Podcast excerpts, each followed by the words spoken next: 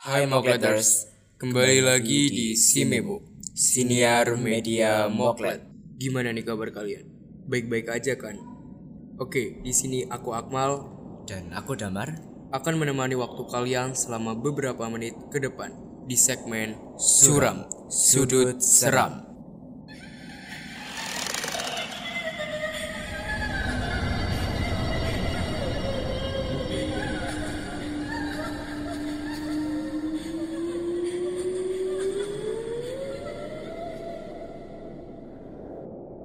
Suram kali ini, kami akan membawakan sebuah kisah nyata yang sangat mengerikan. Kalau kemarin kita membahas pembunuh manusia burger, hari ini kami akan membahas tentang seorang pembunuh cilik yang bernama Mary Bell. Bagi beberapa orang mungkin sudah ada yang tahu tentang sosok dan kisah dari Mary Bell ini. Pada usianya yang masih 10 tahun, dia bahkan sudah membunuh dua anak balita dengan cara yang sangat sadis. Kisah ini diambil dari suatu thread di Twitter at Gojek Siapa sih Mary Bell ini? dan apa saja yang sudah ia lakukan. Mary Flora Bell lahir pada tanggal 26 Mei tahun 1957 di Inggris. Merupakan anak dari Betty Bell yang bekerja sebagai mucikari. Betty Bell melahirkan Mary pada usia 16 tahun tanpa mengetahui siapa ayah kandung Mary. Semua perilaku menyimpang dari Mary ini dipercaya berasal dari hubungan keluarga yang kurang harmonis. Tinggal di White House Road di Scotchwood yang disebut sebagai daerah perampasan ekstrim yang menampung jumlah kriminalitas yang lebih besar dari rata-rata pada saat itu. Meski kebenaran ayahnya tidak terlalu jelas, Mary menyebut bahwa William Abel atau biasa dikenal dengan Billy Bell sebagai ayah kandung Mary. Apa pun kondisinya, Billy dan Betty menikah setelah kelahiran Mary pada tahun 1958. Billy Bell adalah seorang penjahat dan pemabuk yang terkenal di kalangan polisi, yang kemudian ditangkap karena perampokan bersenjata. Betty sendiri pun digambarkan sebagai seorang yang depresi dan tidak menentu. Betty tidak sepenuh hati dalam merawat Mary. Saat Mary masih seusia bayi, Betty sering meninggalkan Mary di rumah sendirian. Ia hanya meletakkan Mary di luar rumah. Mengetahui hal itu, tetangganya lah yang merawat Mary selama ia pergi. Mary juga sering mendapatkan pelecehan di sekitar. Meskipun Betty tahu, ia tetap tidak peduli dengan Mary dan membiarkan anaknya dilecehkan. Betty juga sering melakukan percobaan pembunuhan kepada Mary seperti memberikan overdosis, pil tidur, dan melemparnya dari jendela. Semua kejadian itu dilakukan seperti seolah-olah tidak sengaja untuk melakukan hal itu. Contohnya, saat Betty memberikan pil tidur, dia mengatakan bahwa itu adalah permen yang membuat Mary ingin memakannya. Waktu melempar dari jendela, Betty juga mengaku bahwa dia melakukannya dengan tidak sengaja. Masa kecil Mary tidaklah seindah masa kecil anak lainnya. Dari bayi sudah diacukan oleh ibunya. Contoh lain adalah ibunya pernah mengizinkan pria untuk melecehkan Mary dari usianya yang waktu itu hanya 4 tahun. Dan karena kurangnya ruang di rumah, Mary terkena apa yang terjadi antara Betty dan kliennya yang diklaim juga melibatkan sadomasochism. Dia juga terkena perilaku mabuk ayahnya Billy Bell dan mendapat kekerasan dari ayahnya. Pada saat umur 4 tahun, Mary mengaku pernah dijual langsung oleh Betty. Dia juga mengaku sering mendapat kekerasan verbal dan fisik dari Betty di usianya saat itu. Dipercaya dari sanalah yang menyebabkan Mary melakukan pembunuhan terhadap anak kecil dan mengalami penyimpangan sikap dan perilaku. Mary menganggap kekerasan dan pembunuhan anak kecil itu hal yang biasa baginya. Ia tumbuh menjadi anak yang berperilaku aneh dan tidak biasa bagi orang-orang. Pada usia 10 tahun, dia lebih cenderung bermain dengan anak-anak kecil seusia anak TK.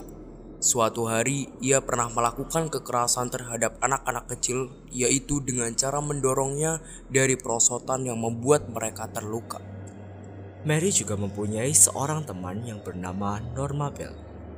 Ia dua tahun lebih tua dari Mary. Meskipun lebih tua, Norma selalu saja mengikuti apa yang diperintahkan Mary dan menuruti apa yang Mary lakukan.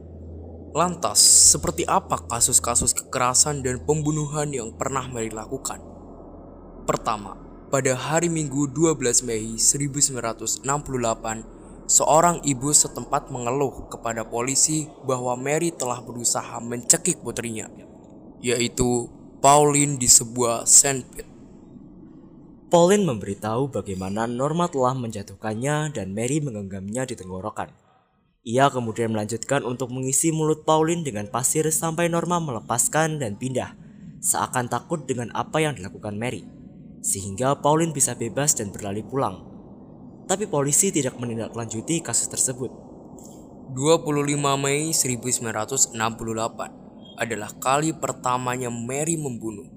Mary membunuh seorang anak kecil yang bernama Martin Brown dengan cara mencekiknya. Mary mengajak Martin ke rumah kosong yang berdekatan dengan rumah Martin. Di sana, Mary membunuh Martin. Mary mencekik Martin sambil melihat tatapan terakhir Martin hingga ia tewas. Dua hari kemudian, mayat Martin ditemukan oleh polisi. Polisi sangat kesulitan dalam menemukan pelakunya karena di tubuh Martin tidak ditemukan tanda kekerasan. Sidik jari Mary Bell di leher Martin juga tidak terdeteksi. Dan akhirnya, karena informasi yang tidak didapatkan, kematian Martin hanya dianggap sebagai kecelakaan. Anehnya, setelah Mary membunuh Martin, ia langsung pergi ke rumah temannya yang bernama Norma Bell dan langsung bermain dengannya seperti tidak terjadi apa-apa. Beberapa hari setelah Mary membunuh Martin, tepatnya tanggal 27 Mei, Mary mengajak temannya Norma Bell untuk bermain di taman bermain yang berisi anak-anak TK. Mary melakukan kekerasan kepada anak-anak itu seperti menjambak rambut dan lain-lain. Ia juga mengajak-ajak taman bermain tersebut bersama dengan Norma. Norma hanya mengikuti Mary karena ia merasa takut. Lalu, hal tersebut diketahui guru dan membubarkan semua yang ada di taman. Lalu ada suatu kejadian yang mengejutkan dari situ. Mary memberikan sebuah kertas kepada seorang anak di sana. Anak tersebut memberikan kertas itu kepada gurunya.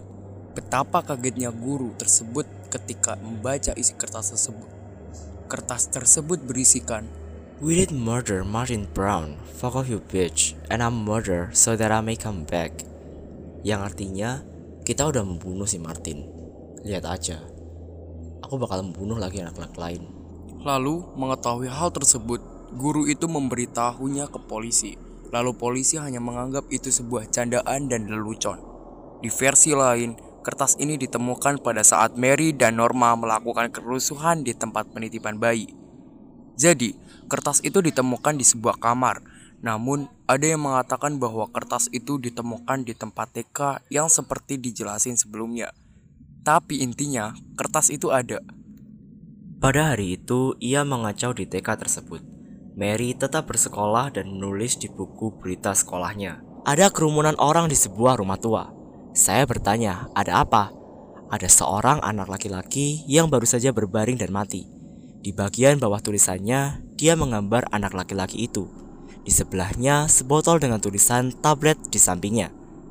Dia juga menggambarkan seorang pekerja menemukan mayatnya. Tidak ada yang begitu memahami tentang hal yang dilakukan Mary ini. Di sekolah, ia pernah mengaku ke teman sekelasnya bahwa ia telah membunuh Martin. Namun, teman-temannya tidak percaya karena Mary hanya dianggap berbohong karena Mary dikenal sebagai anak yang membohong. Lalu, pada 31 Juli 1968, dua bulan setelah membunuh Martin, pembunuhan kedua dilakukan Mary mengajak temannya Norma dan membawa seorang anak kecil bernama Brian Howe yang masih berusia 3 tahun ke sebuah gudang kosong. Sampai di sana, Mary langsung mencekik Brian dan Norma kaget karena Mary melakukan itu. Norma tidak berani melakukan apa pun karena diancam oleh Mary.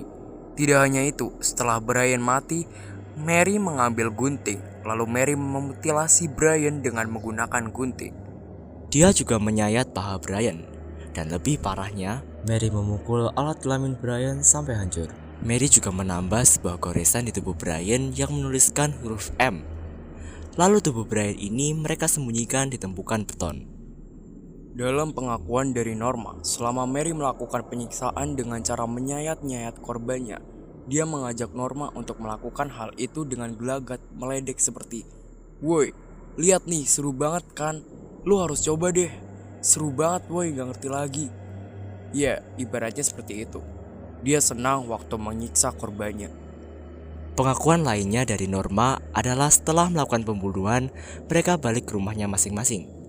Lalu, kakaknya Brian mencari-cari Brian karena hilang. Dan kakaknya bertanya kepada Mary dan Norma.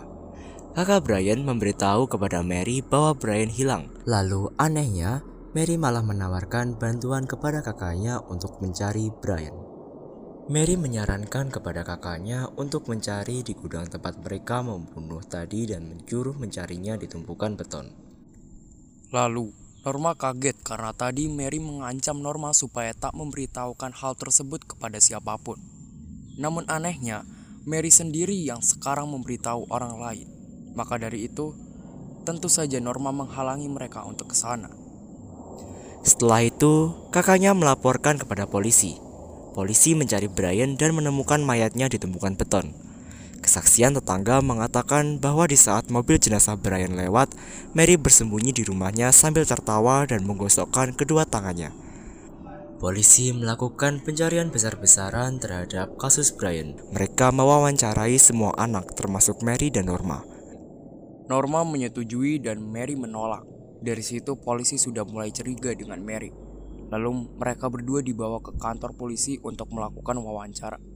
Di sana, Mary mulai mengarang-mengarang cerita bahwa dia melihat anak 8 tahun yang memukul Brian sebelum dia menghilang dan meninggal. Namun bodohnya, Mary bilang waktu itu bocah yang memukul Brian membawa gunting dan polisi sengaja menyembunyikan tentang mutilasi gunting kepada siapa pun, baik di berita dan konferensi pers. Yang tahu soal ini hanya penyidik dan pihak rumah sakit. Mary terdiam karena keceplosan hal tersebut. Lalu mengakulah Norma bahwa Mary yang telah membunuh Brian. Ia juga telah mengaku bahwa yang menuliskan kertas dan diberikan ke anak TK itu juga mereka. Mereka berdua ditahan sampai persidangan.